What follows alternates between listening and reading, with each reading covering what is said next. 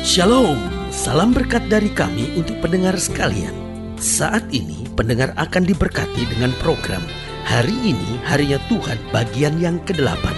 Sebuah program rohani tentang doktrin Alkitab yang menolong kita untuk semakin tertanam dalam kebenaran firman dan bertumbuh dalam kemuliaan bersama hambanya Pendeta Gilbert Lumwendo, STH.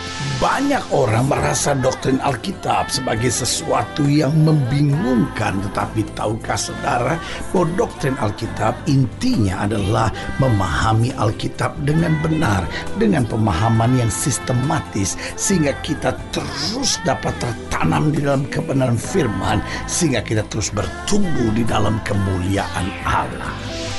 Buka hati saudara sekalian untuk menerima berkat-berkat firman-Nya hari ini. Hidup ini bukan soal berapa lamanya kita hidup. Hidup ini bukan soal berapa banyak yang kita miliki selama kita hidup. Tapi hidup ini jauh lebih bermakna daripada sekedar panjang dan memiliki sesuatu. Kita ingat jika ada seorang yang berulang tahun akan dinyanyikan lagu panjang umurnya, panjang umurnya.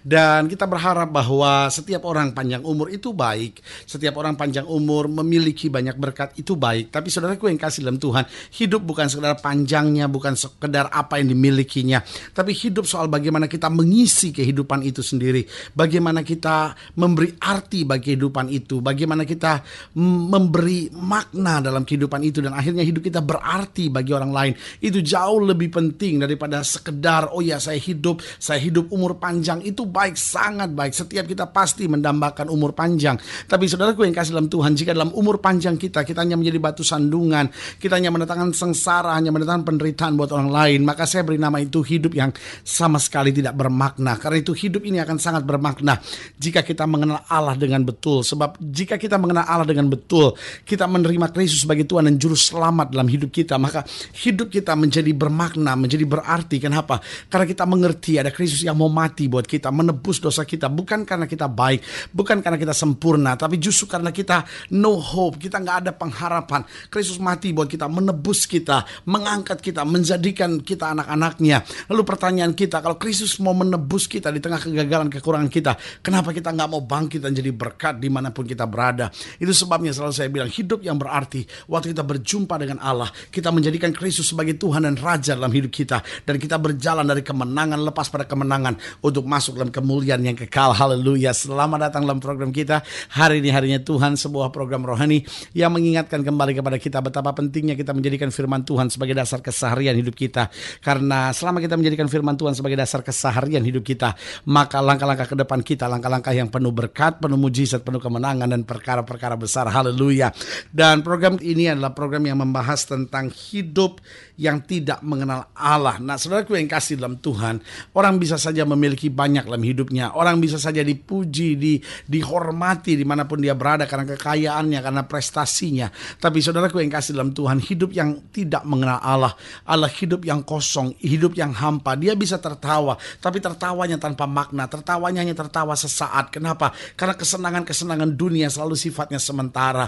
Tetapi orang-orang yang mengenal Allah dengan betul, saudara yang kasih dalam Tuhan, tantangan masalah bisa terjadi dalam hidupnya. Tetapi sukacita yang di dalamnya karena kepastian bahwa Tuhan tidak pernah meninggalkan. Kepastian bahwa Tuhan tidak pernah memberikan pencobaan lebih daripada kemampuan anak-anaknya. Kepastian bahwa Tuhan akan turut bekerja untuk mendatangkan kebaikan bagi setiap orang yang mengasihi dia. Itu akan mendatangkan mendatangkan sukacita, mendatangkan damai sejahtera, mendatangkan makna yang spesial dalam kehidupan itu sendiri. Haleluya.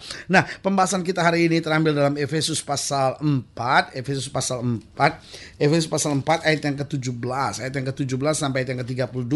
Dikatakan demikian. Sebab itu, kukatakan dan kutegaskan ini kepadamu di dalam Tuhan. Jangan hidup lagi sama seperti orang-orang yang tidak mengenal Allah dengan pikiran yang sia-sia. Jadi Alkitab jelaskan buat kita, Paulus tegaskan kepada jemaat di Efesus bahwa kamu udah terima banyak dari Tuhan, kamu kamu sudah terima banyak berkat, kamu sudah terima banyak mujizat dari Tuhan dan betul perjalanan hidup kamu akan tetap menghadapi banyak pergumulan, menghadapi banyak masalah, tapi jangan hidup lagi sama seperti orang-orang yang tidak mengenal Allah dengan pikiran yang sia-sia dan pengertian yang gelap, jauh dari hidup persekutuan dengan Allah karena kebodohan yang ada di dalam mereka dan karena kedegilan hati hati mereka. Perasaan mereka telah tumpul sehingga mereka menyerahkan diri kepada hawa nafsu dan mengerjakan dengan serakah segala macam kecemaran. Tetapi kamu bukan demikian. Kamu telah belajar mengenal Kristus karena kamu telah mendengar tentang Dia dan menerima pengajaran di dalam Dia menurut kebenaran yang nyata dalam Yesus yaitu bahwa kamu berhubung dengan kehidupan kamu yang dahulu harus menanggalkan manusia lama yang menemui kebinasaannya oleh nafsunya menyesatkan supaya kamu dibaharui di dalam roh dan pikiranmu dan mengenakan manusia baru yang telah diciptakan menurut kehendak Allah di dalam kebenaran dan kekudusan yang sesungguhnya karena itu buanglah dusta dan berkatalah benar seorang kepada yang lain karena kita adalah sesama anggota. Nah, apabila kamu menjadi marah, janganlah kamu berbuat dosa, janganlah matahari terbenam sebelum padam amarahmu, dan janganlah beri kesempatan kepada iblis. Orang yang mencuri Janganlah ia mencuri lagi, tetapi baiklah ia bekerja keras dan melakukan pekerjaan yang baik dengan tangannya sendiri, supaya ia dapat membagikan sesuatu kepada orang yang berkekurangan. Jangan ada perkataan kotor keluar dari mulutmu, tetapi pakailah perkataan yang baik untuk membangun di mana perlu, supaya mereka yang mendengarnya beroleh kasih karunia. Dan janganlah kamu mendukakan roh kudus Allah yang telah memeteraikan kamu menjelang hari penyelamatan. Segala kepahitan, kegeraman, kemarahan, pertikaian, dan fitnah hendaklah dibuang dari antara kamu. Demikian pula segala kejahatan. Tetapi hendaklah kamu ramah seorang terhadap yang lain. Penuh kasih mesra dan saling mengampuni. Sebagaimana Allah di dalam Kristus telah mengampuni kamu. Nah saudaraku yang kasih dalam Tuhan, Paulus mau jelaskan kepada jemaat di Efesus hal-hal yang sangat luar biasa. Dia mau jelaskan bahwa kamu sudah menerima banyak kebenaran firman Tuhan. Tetapi semuanya itu tidak ada artinya kalau kamu tidak praktekkan dalam kehidupan kamu sehari-hari. Kamu tunjukkan hidup kamu sebagai manusia yang mengenal Allah. Bukan sekedar sama dengan orang dunia yang tidak mengenal Allah. Karena harus ada perbedaannya. Karena kalau kamu hidup sebagai orang yang tidak mengenal Allah, maka firman Allah yang kamu sudah terima, janji-janji Tuhan yang sudah disediakan bagi kamu, bahkan berkat berkat Tuhan yang sebenarnya sudah di, disediakan buat kamu tidak akan pernah kamu alami. Sehingga hidup kekristenan kamu akan menjadi hidup Kristen yang kosong. Hidup kekristenan kamu menjadi hidup kekristenan yang tidak berarti. Kenapa? Karena kamu merasa kok Tuhan janji begini? Kok saya nggak pernah alami? Kenapa? Karena persoalannya bukan Tuhan berdusta. Persoalannya bukan Tuhan nggak genapi janjinya. Tapi persoalannya karena kita yang menerima janji itu tidak berjalan sebagai orang yang mengenal Allah dengan betul. Nah Alkitab juga menjelaskan kepada kita hal-hal yang yang menjadi tanda bahwa hidup seorang itu tidak mengenal Allah. Dia boleh saja ke gereja, tapi dia nggak bisa hidup dengan cara-cara seperti yang dijelaskan oleh Paulus ini. Yang pertama dijelaskan pada ayat yang ke-17 dan ayat yang ke-18. Dikatakan sebab itu kukatakan dan kutegaskan ini kepadamu di dalam Tuhan. Jangan hidup lagi sama seperti orang-orang yang tidak mengenal Allah dengan pikiran yang sia-sia. Dan pengertian yang gelap jauh dari hidup persekutuan dengan Allah. Karena kebodohan yang ada di dalam mereka dan karena kedegilan hati mereka. Jadi yang pertama Paulus mau tegaskan bahwa orang-orang yang tidak mengenal Allah cirinya pikirannya sia-sia dan pengertiannya gelap. Apa yang disebut pikirannya sia-sia? Yang dia pikirkan hanyalah hal-hal yang sementara. Yang dia pikirkan hanyalah hal-hal daging, hal, -hal duniawi. Orang mengecewakan saudara, lalu terus saudara simpan, jadi benci, jadi dendam dalam hati saudara. Lalu saudara pikirkan yang buruk-buruk tentang orang, hal-hal yang ngecewain saudara, hal-hal yang melukai perasaan saudara, sehingga akhirnya hidup saudara nggak ada damai, hidup saudara nggak ada sukacita. Nah ini yang Alkitab bilang, orang-orang yang nggak mengenal Allah akan selalu hidup dengan benci, dengan dendam. Lalu yang dia pikirkan cuma kesenangan-kesenangan daging sesaat saja. Nah ini Paulus tegaskan sebagai pikiran yang sia-sia dan pengertian yang gelap. Kita harus mulai berpikir dengan terang dan berpikir, loh kalau saya cuma mikirin hal yang menyakitkan, apa untungnya buat saya?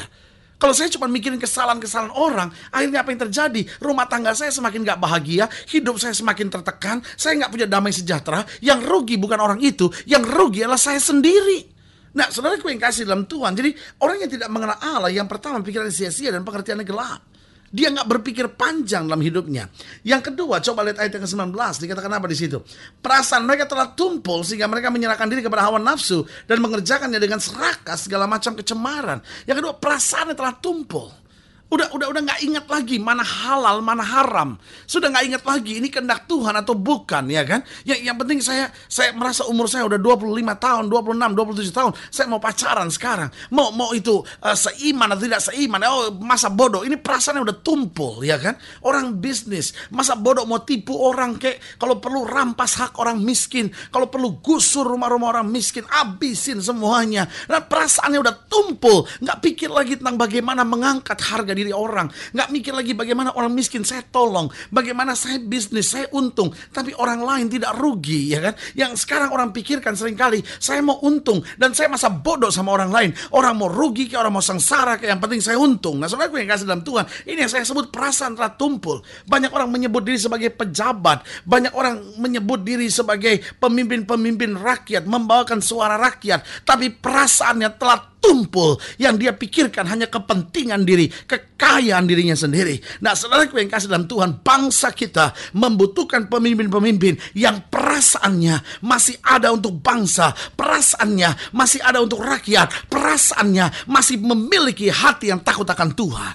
Saudara yang kasih dalam Tuhan, orang-orang yang hidupnya tidak mengenal Allah, tidak akan pernah melihat damai sejahtera dalam hidupnya. Pikirannya sia-sia, pekerjaannya gelap, perasaannya tumpul. Lalu yang ketiga, ayat yang ke-21 dikatakan apa? Kamu karena kamu telah mendengar tentang dia dan telah menerima pengajaran dalam dia menurut kebenaran nyata dalam Yesus. Jadi yang ketiga, hidup yang tidak mengenal Allah, dia dengar namun tidak menjadi pelaku. Nah yang Alkitab mau tekankan buat kita, kalau kamu sudah dengar, lakukan dalam kehidupan sehari-hari. Persoalannya bukan berapa banyak firman yang sudah kita dengar. Persoalannya bagaimana firman yang telah kita dengar, kita praktekkan dalam hidup sehari-hari. Alkitab berkata, iman tanpa perbuatan pada hakikatnya mati. Alkitab berkata, kamu telah mendengar firman. Baiklah kamu sekalian menjadi pelaku-pelaku firman dalam kehidupan sehari-hari. Jadi hari Minggu kita dengar firman, Senin sampai Sabtu itu hari praktek untuk firman Tuhan. Ya kan? Nah kalau kita dengar, kita praktekkan, dengar, kita praktekkan, di situ kekuatan iman kita terjadi. Dan yang keempat, yang terakhir, coba lihat ayat yang ke-22 dikatakan apa di situ? Yaitu bahwa kamu berhubungan dengan kehidupan kami yang dahulu harus menanggalkan manusia lama yang menemui kebinasaan oleh nafsunya menyesatkan. Berarti yang keempat, orang yang hidupnya tidak mengenal Allah yaitu tidak menanggalkan manusia lama. Artinya apa? Dia udah dengar firman, tapi masih mau hidup dengan cara-cara manusia lamanya. Nah, hidup Kristen yang sejati, hidup yang mengenal Allah. Yang pertama, pikirannya adalah pikiran Kristus. Yang kedua, perasaannya peka akan Tuhan. Yang ketiga, dia dengar firman dan menjadi pelaku firman. Dan yang keempat, dia menanggalkan manusia lama, mengenakan manusia baru. Sehingga dia berani berkata, hidupku bukan aku lagi, tapi Kristus yang hidup di dalam aku. Haleluya. Saudara yang kasih dalam Tuhan, jika ingin dilain lebih jauh, hubungi kami melalui telepon, hubungi kami melalui surat kunjungi website kami.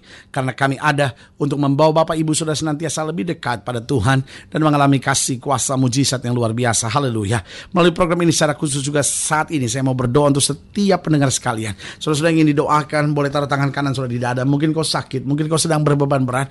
Mungkin kau berkata, iya ya saya orang Kristen, tapi hidup saya seperti orang yang tidak mengenal Allah. Hidup kekristenan saya nggak ada ubahnya seperti orang dunia. Lalu hari ini saya dengar firman Tuhan, saya tahu Tuhan bicara secara khusus buat saya. Sudah boleh taruh tangan kanan sudah di dada juga dan saya mau doa buat sudah Bapak dalam nama Yesus. Hamba doa buat setiap pendengar sekalian, hamba doa buat yang sakit, hamba doa buat yang berbeban berat, hamba doa untuk setiap mereka yang menghadapi masa-masa yang sukar. Karena hamba percaya bahwa bagi Allah tidak ada perkara yang mustahil. Bapak hamba berdoa di dalam nama Yesus. Tuhan jamah. Tuhan kerjakan mujizat. Jadikan kami orang-orang yang mengenal Allah. Dengan memiliki pikiran Kristus. Perasaan yang peka. Mendengar dan menjadi pelaku firman. Menanggalkan manusia lama dan mengenakan manusia baru di dalam Kristus. Di dalam nama Yesus kami berdoa. Haleluya. Amin. Saudara gue yang kasih dalam Tuhan kita sudah berdoa. Ingat Allah tidak pernah lalai menepati janjinya. Inilah saatnya buat kita untuk bangkit bersemangat bersuka cita dalam menghadapi segala perkara karena kita tahu Yesus tidak pernah gagal buat setiap orang yang mengasihinya. Doa saya menyertai saudara. Sampai berjumpa pada program berikut dan jangan lupa jadikan hari ini harinya Tuhan. Haleluya.